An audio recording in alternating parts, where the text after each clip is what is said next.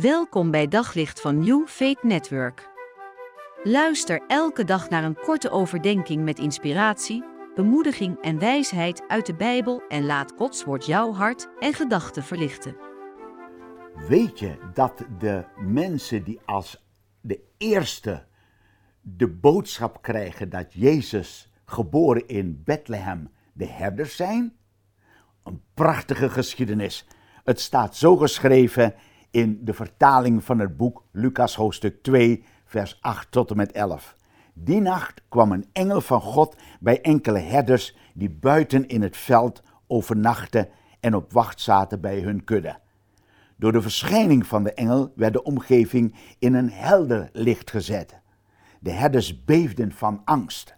Maar de engel stelde hen gerust. Wees niet bang, zei hij, want ik breng u het mooiste nieuws dat u ooit hebt gehoord.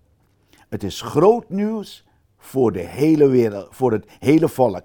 Vandaag is in Bethlehem de redder geboren, Christus de Heer. Vroeger had ik altijd het idee dat herders van die lieve aardige mensen waren. Maar het tegendeel was het geval. Het waren echte boeven. Het was het schorremorrie van die tijd. Herders, hun burgerstaat was hun afgenomen. Dus het waren eigenlijk de outcast van de samenleving, wegens hun levensstijl en hoe ze in het dagelijks leven stonden.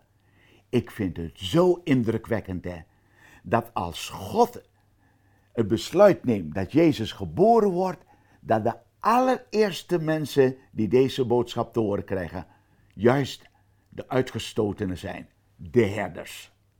En als de engel bij ze komt, dan staat het daarom geschreven dat ze zich een hoedje schrikken. Want deze mensen hadden zoveel of hun kerfstof dat ze denken we worden veroordeeld. En zeker als er een engel komt. En dan zegt die engel, wees niet bang. Want in plaats van oordeel kom ik juist het allermooiste nieuws brengen dat je ooit gehoord hebt. Geweldig, maar dat is genade. Je verdient straf en veroordeling, maar in plaats daarvan schenkt God genade, het beste nieuws. En daarom zo mooi, vandaag is in Bethlehem de Christus, de redder, geboren voor jou. Nou, voor deze herders moet het iets ongelooflijks zijn geweest. Dat merk je ook later, dat ze niet uitgepraat raken van het feit dat God naar hem heeft omgezien. Maar er zit nog iets moois erin. De engel zegt heel duidelijk tegen de herders: Maar het is niet alleen maar voor jullie, het is voor het hele volk. Waarom? Gods liefde en Gods genade in de geboorte van Jezus geldt voor ieder mens. Hoe je het ook verspeeld hebt in je leven. En daar ben ik God ontzettend dankbaar voor. Want dat betekent dat ook ik deel in deze liefde en genade.